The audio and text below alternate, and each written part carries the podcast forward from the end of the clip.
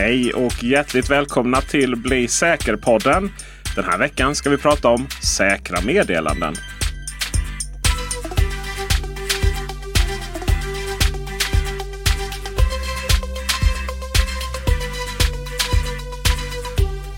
Och då är ju frågan, eh, kommer det här avsnittet bara handla om Signal eller?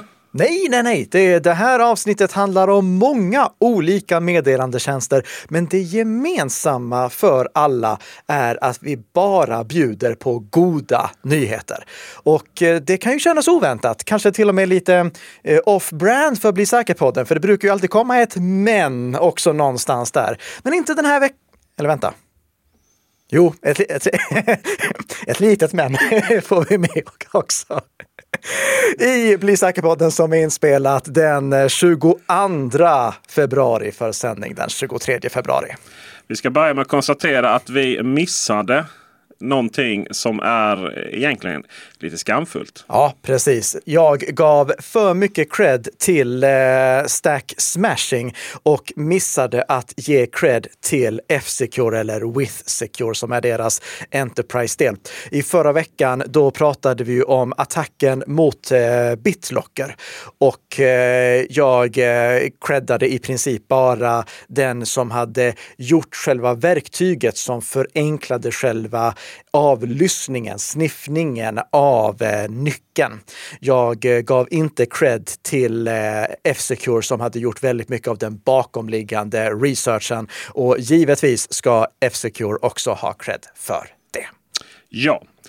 Twilio AFI ska ju lägga ner sin desktop-klient. Precis. Mm, tråkigt. Det skulle vara gjort den eh, 19 augusti 2024. Mm. Men det flyttats fram lite. Ja, flyttats fram i, i den bemärkelsen att det har blivit tidigare lagt. Vi, alltså, jag tänkte, vadå, har de fått fel på åren här? Men nej, 19 mars 2024 kommer de nu att lägga ner den här appen istället, fick jag ett eh, mejl om. Lite oväntat faktiskt. Men kom ihåg, det här gäller bara desktop-versionen. Det kommer fortsätta gå att använda mobilappen utan problem och det är ju den som de fokuserar på eh, helt och hållet. Men eh, Twilio Authy för Windows, Mac OS och Linux försvinner alltså den 19 mars istället för som det var planerat 19 augusti. Ja, det var ju tråkigt. Ja. Ja. Vi går vidare och eh, spelar lite Playstation 4, God of Wars. Eller det är inte det Kronos vi pratar om kanske? Nu eh, hade jag faktiskt inte ens en aning om vad det där var en referens till. Nej, Det- ni som vet, ni vet helt enkelt. Vi ska Det- prata... det- Alltså Peter, 90-talsreferenser. Det, Är det bara de du klarar av? det är bara de Okej, okej. med. Operation, Operation Kronos. Ja. Vad handlar det om? Det handlar om en stor insats som har gått in, en polisiär insats som har plockat Lockbit-gänget, som har stört ut Lockbit-gänget. Och ni funderar, vilka är Lockbit? Ja, det är den värsta utpressningstrojansgruppen som vi har sett på senare tid. Okej, så BitLocker good. Ja, Lockbit bad. ja. Ja. Och den här veckan, då eh, var det ett eh, gäng polisiära myndigheter, eh, internationellt väldigt spritt och Sverige var med här också. De slog till mot Lockbit-gänget. Svenska polisen publicerade ett pressmeddelande på sin webbplats i tisdags där de skriver så här, citat. Lockbit är världens mest använda och skadliga ransom as a service och har orsakat skador för miljarder euro. Operation Kronos riktade in sig på ransomware-tjänstens kritiska infrastruktur, huvudmän och användare. Resultatet inkluderar nedtagning av Lockbits primära plattform inklusive nedtagandet av 34 servrar i Nederländerna, Tyskland, Finland, Frankrike, Schweiz, Australien, USA och Storbritannien. Två aktörer kopplade till Lockbit har gripits i Polen och Ukraina på begäran av franska myndigheter. Tre internationella arresteringsorder har utfärdats och fem personer har åtalats av franska och amerikanska myndigheter.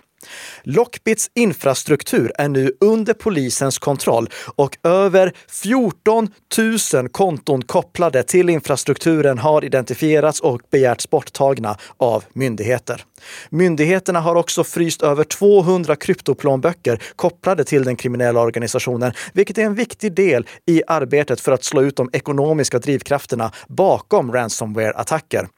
En stor mängd data har samlats in under operationens gång och kommer att användas för fortsatt utredning av och åtgärder mot grupperingen bakom Lockbit, dess användare och andra kriminella kopplingar.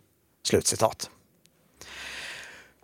Vi har ju sett jättemånga attacker från Lockbit. Eh, och det har vi kunnat göra för att eh, Lockbit, de har haft en ganska användarvänlig webbplats.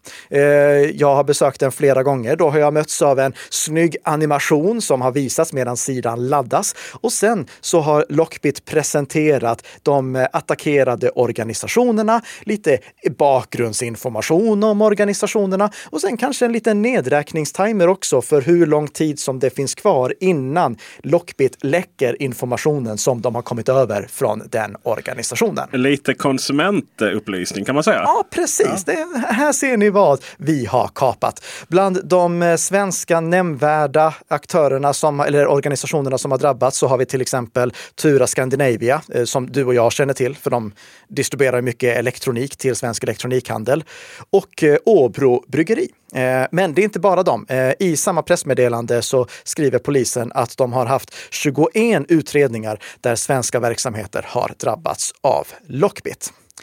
Men vad har då de här internationella brottsbekämpande myndigheterna gjort? Ja, utöver att eh, slå till mot den här organisationen så har de också liksom eh, räckt eh, lång näsa åt Lockbit. För de kapade kaparnas webbplats.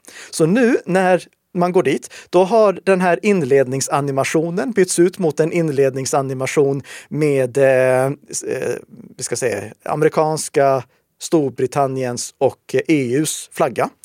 Och sen istället för att det finns små eh, notiser om vilka organisationer som har kapats så finns det pressmeddelanden och en lista över vilka eh, kriminella aktörer som har åkt dit, eh, länk till dekrypteringsnycklar och en nedräkningstimer till artikeln Who is Lockbit SUP? Frågetecken. Vilket publiceras idag när ni lyssnar, eh, imorgon eh, när vi spelar in. Lock, ja. Lock up. Ja.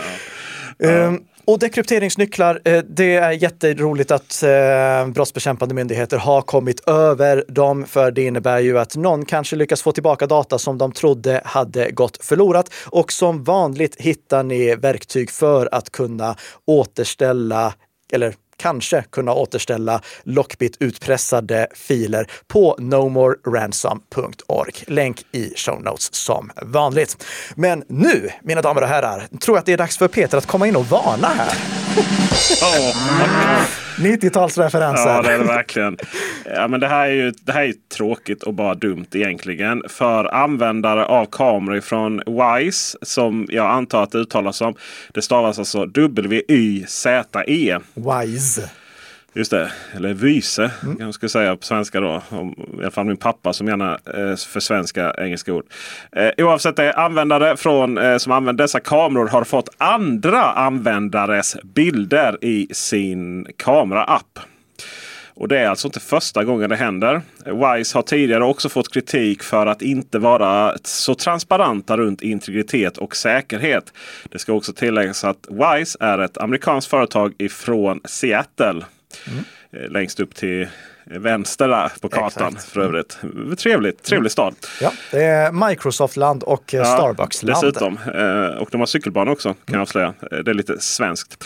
En av grundarna till, en av medgrundarna till Wise, David Crosby, säger till The Verge att det hela berodde på att Amazons molntjänst strulade. Och då blev Wise egna servrar överbelastade. Eh, han poängterar också då, det vill säga David Crosby, att eh, det rörde sig om stillbilder och inte video. Och det de nu har gjort är att de har tagit bort den här fliken ifrån appen där det kunde ses Karl-Emil Nicka. Börjar inte det här bli lite gammalt? Är vi inte lite klara med den här typen av läckor? Det är ju inte första gången. Och borde inte Wise lärt sig lite från eh, konkurrenterna som har haft samma bekymmer? Jo, det, det här, det, alltså det är pinsamt att vi ska behöva komma in och varna för den här typen av eh, läckage, dataläckage. För det borde inte kunna ske. Eh, två saker vill jag flika in här. För det första, skyller han på fullaste allvar på Amazon? Japp, japp, japp. Det är ju...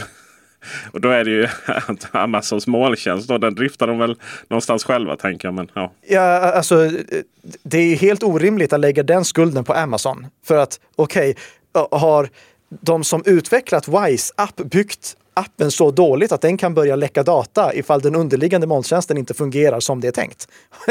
Eh, vansinnigt. Men för det andra, vad är det egentligen för rekommendation som kommer ur det här? Jo, det är ju som vanligt att välja antingen en lokal inspelningslösning som du själv har full kontroll över, eller det som är det absolut enklaste, att välja en eh, kameralösning som eh, överför datan totalstreckskrypterat. För egentligen, om WISE bara hade totalstreckskrypterat all information, då hade det inte spelat någon roll att en användare kommit åt en annan användares bild. För den andra användaren hade ändå inte kunnat dekryptera den. Så eh, eh, alltså, det här är ett problem som är löst. Det, Apple har rullat ut eh, vad heter det, HomeKit Secure Video som inte ska förväxlas med vanliga HomeKit-övervakningen. Men HomeKit Secure Video är totalstreckskrypterat. Det finns tyvärr bara till Apples enheter. Men det är löst. Det ja. finns också, det är ganska få kameror som stödjer Secure Video. Ja, ska sägas. det kan väl hända. Men, Men, problemet är i alla fall löst. Ja, det är löst. Mm, ja. Och det finns ju alternativ också. Det finns ju dessutom Amazon-ägda Ring som ju också varit i den här situationen. Mm. Där de en gång i tiden allting var öppet så de anställda kunde gå in och, i, i sitt ja. Amazon-moln och bara trycka upp bilder från vem som helst. Eh, men det, det, där är historia nu för dem. Eh, de har fått mycket kritik och det är också de jag menar här att Wise kanske skulle lärt sig lite av. Oavsett det så kan du totalstreckskryptera dina dina ringkameror. Om mm. ändå att du förlorar en hel del funktionalitet när du gör det. Det är inte standardinställning då? Nej. Nej, okay. Så om du väljer ringkameror, aktivera totalstreckskrypteringen. Ja. Eh, vi går vidare och pratar om spionprogram i Europaparlamentet. Och det är väl inte så himla trevlig rubrik Nej, att höra? det är det verkligen inte. Men eh, vi har fått ytterligare ett exempel på att eh, politiker har fått sina mobiler infekterade med någon typ av spionprogram. Det var i onsdags som Politico publicerade en artikel där de skrev att, citat på engelska, “The European Parliament on Wednesday asked members on its defense subcommittee to have their phones checked for malware after it found traces of hacking on two devices.” Slutcitat. Alltså eh, Eh, e EU-parlamentet eller Europaparlamentet har bett medlemmarna i underutskottet för säkerhet och försvar att eh, gå till IT-avdelningen och eh, få deras mobiler skannade eftersom det har hittat spår av attackförsök eller möjligtvis lyckade attacker på två av de här mobilerna. Och det här är någonting som vi måste tänka på. Att eh, om vi vill eh, till exempel låta våra brottsbekämpande myndigheter kunna nyttja okända sårbarheter och kunna hemlighålla eh, annars okända sårbarheter för att kunna spionera på kriminella. Då finns också risken att kriminella utnyttjar samma sårbarheter för att övervaka oss. Och främmande makt. Och främmande makt. Och, och det, det, är ju det som troligtvis är det absolut mest allvarliga här. Att främmande makt kan faktiskt ha spionerat på vad som har sagts hos de här medlemmarna i underutskottet för säkerhet och försvar. När jag växte upp så var jag politiskt engagerad. Och då sa vi att EU-parlamentet var lite av B-laget. Mm. När du var klar inrikes så skickades du till EU-parlamentet för att avsluta din politiska karriär. Men allt eftersom världen runt omkring oss blir bara galnare och galnare. Mm. Så tror jag att EU-parlamentarikerna och EUs institutioner som övrigt måste förstå att de blir en allt viktigare del av säkerheten i, om säkerheten i omvärlden. Och agera därefter. Mm. Eh, vilka är det nu som ska aktivera säkert läge på sina mobiltelefoner? Ja, eh, säkert läge eller låst läge som det översätts till på svenska. Lockdown mode på engelska. Eh, det är ju det läget som finns för iPhone och för Mac OS-datorer där du kan begränsa funktionaliteten för att minska risken för att spionprogram som till exempel Pegasus, observera vi vet inte att det var Pegasus i det här fallet, men till exempel Pegasus kan infektera enheterna utan att användaren ens behöver göra någonting. Och högt uppsatta politiker, företagsledare, de som jobbar inom försvaret, de som jobbar med säkerhetsfrågor bör aktivera låst läge. Övriga användare bör inte göra det eftersom det begränsar funktionaliteten på mobilen och sannolikheten för att främmande makt skulle attackera personer som är ointressanta för främmande makt. Det blev ett cirkelresonemang här. Eh, det är så pass låg att användare inte behöver välja att slå på det. Men nu går vi till någonting som är lite mer positivt och ja. som kanske också är lite relevant till det hela. För mm. vi, vi, vi, ska prata om både bättre och säkrare meddelandetjänster. Precis. Vi har nämligen fått en mängd. Vi har fått fyra goda nyheter, eller åtminstone tre goda och en neutral nyhet om meddelanden. Och eh, vi tar dem en efter en för att se hur vi får säkrare kommunikation. Och vi börjar med det absolut sämsta kommunikationssättet som borde ha lämnats kvar på 90-talet, nämligen sms. För eh, för några månader sedan då pratade vi om det här nya eh, sms-kortnumret 7726 som användare kan välja att vidarebefordra bluff-sms till för att varna samtliga fyra stora mobiloperatörer. Och eftersom det nu hade varit igång i två månader så tänkte jag i början av februari att ja, men jag ska höra med telekområdgivarna och med de fyra operatörerna hur pass bra det här har fallit ut. Så jag skickade två stycken konkreta frågor till eh, telekområdgivarna. För det första, hur många bluff-sms har rapporterats in under de två månaderna som tjänsten har varit aktiv? Och två, hur många bluff-sms har blockerats tack vare rapporter som har skickats till 7726? För det sistnämnda, det berättar ju ifall rapportering av sms till 7726 är någonting som har en reaktiv funktion, alltså att det stoppas attacker. Annars så är det ju bara någonting som är bra för kartläggningen och att man ska förstå hur pass stort det här problemet är, hur operatörerna ska förstå hur stort det här problemet är. Camilla Brogren på Telekområdgivarna svarade mig snabbare än jag någonsin har varit med om att eh, citat, vi tog fram siffran 18 700 den 23 januari. Slutcitat. Alltså 23 januari så var det så många eh, sms som hade rapporterats in till det här numret. Men sen säger hon också att citat, hur många av dessa som blockeras kan jag inte svara på då det omfattas av sekretess. Slut citat. Um, ehm, det, det, var lite synd att vi inte fick svar på det. Jag hoppas att eh, telekområdgivarna och de fyra operatörerna går ut med information om huruvida det här faktiskt är någonting som skyddar, inte bara kartlägger. Jag har samtidigt förståelse för att två månader kan vara för kort tid för att utvärdera det. Jag eh, skickade samma fråga såklart till eh, de fyra operatörerna också och eh, fick svar från dem, men inte något svar på frågan utan bara mer bakgrundsinformation. Så eh, inget nytt där. Eh, däremot så passade vår gemensamma vän Claes Magnusson eh, på att mm. skicka en egen fråga till Telenor och deras mejl för att rapportera phishingförsök. Han skrev så här, citat. Hej! Jag tror ingen läser dessa mejl men om någon gör det, svara senast söndag nästa vecka så ska jag be om ursäkt och skänka 500 kronor till Stadsmissionen eller annan valfri välgörenhet. Slutcitat. Fick de några pengar? Eh, ja, det Telenor svarade. ja, och Stadsmissionen har fått ja. sina pengar. Och om ni andra undrar vem Claes Magnusson är så är han eh, för det första eh, rektor på Malmö yrkeshögskola. Mm. Men han är också känd för att vara den som kanske var först i Sverige med Apple Vision. Så han har blivit intervjuad i bland annat Realtid och lite andra eh, publikationer om detta. Ja, och skälet till att både du och jag har fått testa Apple Vision Pro. Just det, Apple ja. Vision Pro dessutom ja. var det mm. Sen så har vi en stor nyhet gällande Signal. Eh, och Signal har nu meddelat att de är redo att rulla ut stöd för användarnamn. Och det här är en funktion som inte ersätter telefonnummer. Du måste fortfarande ha ett telefonnummer för att kunna skapa ett signalkonto. Men du behöver inte lämna ut ditt telefonnummer längre när det här har aktiverats för att du ska kunna låta någon kontakta dig. Utan då kan du istället lämna ut ett användarnamn. Det här kommer inte vara som ett användarnamn som vi är vana vid, att det är det du loggar in med någonstans eller att det finns en, eh, en lista som du kan söka i med olika användarnamn. Utan det här är bara något du använder för att andra ska kunna kontakta dig utan att du behöver lämna ut ditt telefonnummer.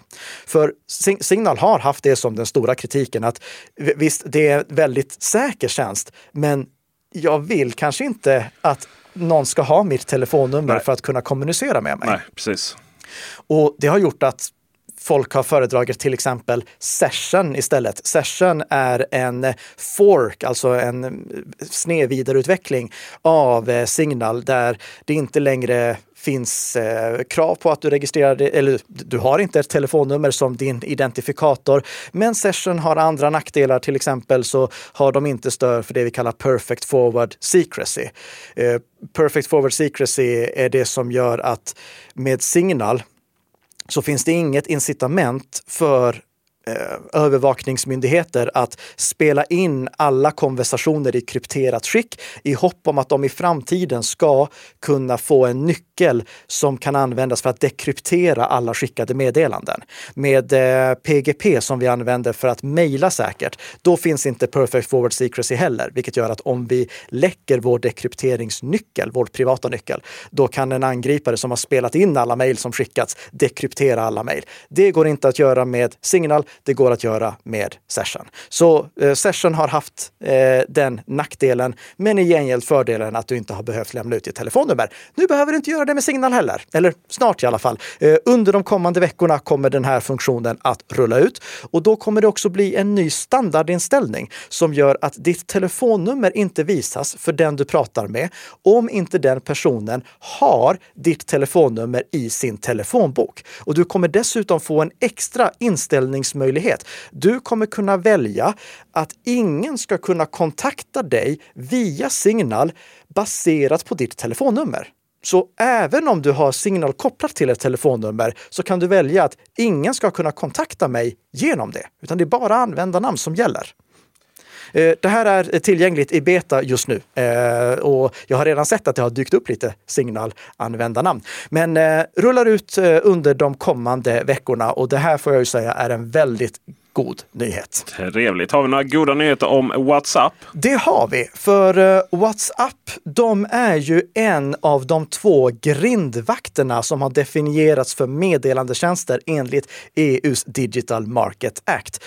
Och de tjänster som fungerar som grindvakter i EU, de har så stort inflytande på marknaden att det inte är fritt fram för dem att göra vad som helst, utan de kommer vara tvungna att anpassa sig utifrån de regler som definieras i Digital Market Act. Och jag tänkte att vi framförallt skulle kolla på det som står i Digital Markets Act sjunde artikel som heter Grindvaktens skyldigheter när det gäller interoperabiliteten hos nummeroberoende interpersonella kommunikationstjänster. Och jag tänker inte läsa upp det fler gånger. Men där i står det att eh, de här tjänsterna, de måste stödja citat obruten textöverföring inom grupper av enskilda slutanvändare och citat delning av bilder, röstmeddelanden, videor och andra bifogade filer i obruten kommunikation mellan en gruppchatt och en enskild användare. Slutcitat. Även till andra tjänster. Inte bara inom WhatsApp, utan även till andra. Och det här ska dessutom göras säkert. Det står så här i samma artikel, citat. Den säkerhetsnivå inbegriper totalstreckskryptering i förekommande fall, som grindvakten tillhandahåller sina egna slutanvändare, ska bevaras i alla de interoperabla tjänsterna. Slutcitat. Sen kommer det komma fler krav eh, på sikt. På sikt så kommer det även komma krav på att röstsamtal ska fungera mellan användare och att videosamtal ska fungera mellan användare, till och med videosamtal i grupper. Mellan användare? Eh, förlåt, eh, mellan användare som finns på grindvaktsplattformen och de plattformar som grindvakten ska kunna kopplas ihop med. Mm. Tack så mycket för det, det förtydligandet. Eh, och Eh, det, det, är inte det som händer nu, utan nu händer de här första sakerna som inte är relaterade till video och röstsamtal. Dick Brower som är Engineering Director hos WhatsApp sa eh, nyligen till Wired att, eh, citat på engelska, Messaging companies that want to interoperate with WhatsApp or Messenger will need to sign an agreement with the company and follow its terms. Full details of the plan will be published in March. Slutcitat. Alltså att eh, de eh, andra organisationer eh, som driver meddelandetjänster som vill få sina tjänster att kunna kommunicera med WhatsApp och med Messenger måste ha ett avtal med Meta som driver både WhatsApp och Messenger. Det alltså- kommer alltså inte vara fritt för vem som helst att börja koppla ihop sig med WhatsApp. Eh, I den här artikeln eh, hos Wired, som vi länkar i våra show notes, så framkommer det också att eh, det kommer vara frivilligt för användare att aktivera funktionen att de ska kunna kommunicera med användare på andra plattformar från WhatsApp. Eh, det framgår att tredjepartsmeddelanden troligtvis kommer hamna på en separat flik. Och det framgår att eh, WhatsApp föredrar om de andra apparna också använder signalprotokollet. Vilket inte är så förvånande. Vad gött! Ja. ja. nu kommer vi då till Apple Messenger som om man inte trodde att det kunde bli säkrare så säger Apple eh, jo, det jo, kan bli säkrare. Det kan det. Men för... eh, vad säger Karl-Emil Nicka? Ja, jag eh, kan ju börja med att citera hur Apple presenterar nya PQ3 eller Post Quantum 3 tror jag det, det borde det stå för i alla fall. Eh, rubriken är iMessage with PQ3, the new state of the art in quantum secure messaging at scale.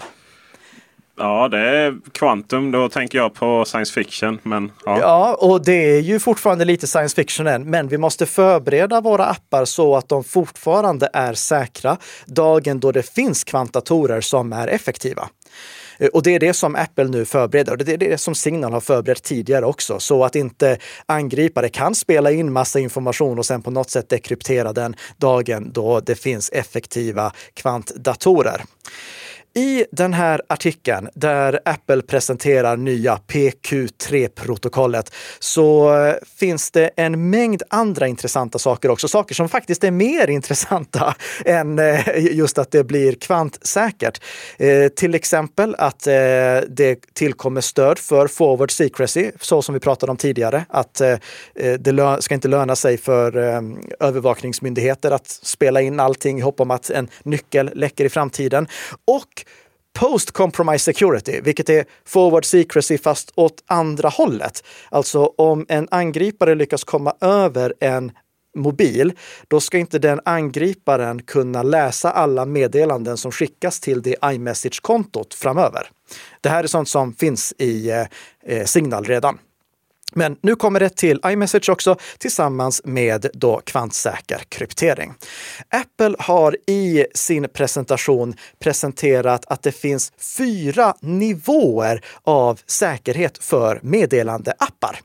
Det här är fyra nivåer som jag tror att Apple har valt att definiera själva. Jag känner inte igen den här indelningen från någon annanstans, så jag tror att det är Apple som har valt det helt och hållet själv. Det på lägsta nivån, nivå noll som de kallar det, där har vi de här riktiga skräpapparna som ingen bör använda. Alltså till exempel Telegram och WeChat. Det är bara några av de mest använda apparna i världen. Jo, precis. Men alltså, det, ingen bör röra de apparna med tång. Eh, de är inte totalstreckskrypterade som standard. Och när det, och, okay, när det gäller kameraövervakning, då kan jag förstå att okej, okay, men där finns det vissa funktioner som någon tycker att ah, men det är värt att jag får den här funktionen och offrar totalstreckskrypteringen. I meddelandesammanhang, totalstreckskrypterande meddelanden har varit lösta i åratal. Så det finns liksom inget, inget försvar för att använda skräp som Telegram eller WeChat. Sen på nivå 1, då har vi de vanliga totalstreckskrypterade meddelandetjänsterna.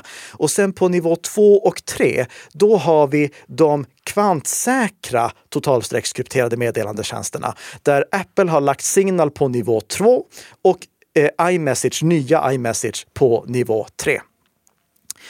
Här är då frågan. Är det så att iMessage är bättre än Signal nu? Är iMessage protokoll ännu säkrare? Och jag har läst igenom Apples resonemang för hur de motiverar att lägga iMessage på en nivå högre. Men det är baserat på att de egenskaper som Apple själva har valt att premiera för att hamna på nivå 3 är de som eh, iMessage eh, överglänser Signal på. Och vi vet inte ifall Signal hade valt att väga andra parametrar tyngre om de hade gjort en motsvarande uppdelning.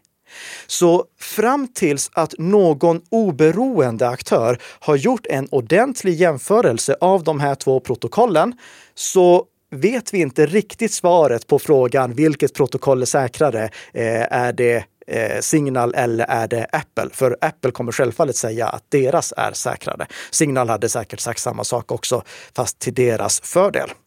Och då är ju den, det är egentligen de två stora frågorna. För det första, har jag gjort en sån jämförelse? Och två, har jag kompetensen att göra den jämförelsen? Och svaret är fet nej på båda två. ja, eh, det är kompetens att veta att man saknar kompetens dock. Ja, det är inte alla som har den nej. kompetensen. jag, jag tror, okej, okay öppna white paperet och börja läsa igenom det så inser nog de flesta, eh, förutom de som är lämpade att göra en sån här jämförelse, att de saknar kompetensen. Eh, vi kan väl säga att det här skulle vara en intressant doktorsavhandling. Mm. Vilket är det säkraste av de här två protokollen? Men vad kan vi då säga till våra lyssnare? Vad, vad har vi för vettigt att komma med? Ja, jag tänkte i och med att jag definitivt inte har kompetensen att bedöma om det här är bra eller dåligt och vi inte kan ta Apple på orden, så får vi se ifall det finns någon annan som har kompetensen och kan säga huruvida det här är bra eller dåligt. Och då var det sån tur att Matthew Green, Eh, som vi har pratat om flera gånger tidigare vid John Hopkins University. Han har kommenterat det här och han har definitivt inget skäl att prata gott om iMessage, för han har totalsågat iMessage tidigare efter att han och hans studenter hittade brister i iMessage. Men nu skriver han så här på Mastodon, citat på engelska. In 2019 Apple quietly upgraded the protocol to get rid of some obsolete cryptography, but it still wasn't as advanced as the Signal protocol used by WhatsApp and Signal. A big part of the reason iMessage lacked post compromise security. In the Signal protocol, your communication keys are constantly updated and ratcheted forwards. This means that a compromised phone slash backup won't be useful for long. You will replace the stolen keys within a few minutes. In iMessage, this wasn't true. Public keys were long lived. The new update adds periodic rekeying using elliptic curve cryptography to ensure that compromised keys quickly become useless, both in the future and for decrypting past messages. This closes an important threat vector. Along with key transparency, this makes iMessage a state of the art cryptographic protocol. Stora ord. Stora ord. Det, vi kan också konstatera att det går människor på den här planeten vars hjärnor fungerar så mycket annorlunda än oss själva som ja. kommer på det här. Det, så det här ser jättelovande ut och det här är någonting som Apple skriver att det läggs till stöd för i iOS 17.4 och MacOS 14.4 som är i beta just nu. Och det kommer att ersätta det gamla iMessage-protokollet för alla kompatibla konversationer under det kommande, äh, under året. Betyder det här att alla bör byta till iMessage? Nej, för här kommer då mändet som ja, jag utlovade. Ja, som du sa att det skulle komma ju. ja, jag sa, jag sa att det kommer ett litet men. Det finns ju en jättestor nackdel med iMessage och ja. det är ju det faktumet att det bara fungerar på Apples produkter. Mm. Det finns två faktiskt, jag kommer på en till. Eh, men dels den som är den stora användarnackdelen. Hur skickar jag iMessage-meddelanden till Windows eller till Android? Det går inte. Så bara för att iMessage-protokollet kanske är rent av bättre än Signal, så betyder det inte att iMessage-tjänsten är bättre än det. Och, och för guds skull, använd inte de här tjänsterna som tar upp iMessage på Nej, nej, nej, nej, Vi har ju pratat om dem ja. innan. Vad de gör är ju att de det krypteras ju där. Eh, och... Det, det, det, det, har funnits två olika lösningar okay. faktiskt. Mm. Så jag, jag ska, den, den, ena var katastrof, den andra var bara inte värd att lyfta. Nej, okay. Eh, men sen den andra saken som, var, eh, som är en stor nackdel med iMessage, det är ju säkerhetskopiorna. För att om en användare i konversationen har valt att aktivera säkerhetskopiering till iCloud och inte har valt att aktivera avancerat dataskydd, vilket inte är påslaget som standard, så läcker konversationerna via backup till Apple. Så iMessage-protokollet i sig, det är klockrent. Det, det, det, har vi liksom Matthew Greens ord på här. Men iMessage-tjänsten i sig, den har fortfarande en bit kvar innan den når upp till signalnivå. Om ni vill läsa hela Matthew Greens tråd så finns den på Mastodon. Och Mastodon, det är ju det här ActivityPub-baserade protokollet som vi har pratat ganska gott om i tidigare avsnitt och som för övrigt nu också används för att publicera Bli säker-podden. För det går ut via ActivityPub numera, vilket innebär att om du prenumererar på podden via ActivityPub eller valfri annan poddspelare som vettiga människor, vettiga människor gör, eh, då får du redan nästa vecka ett nytt avsnitt av Bli säker-podden som gör dig lite säkrare för varje vecka som går. Tack för att du har lyssnat.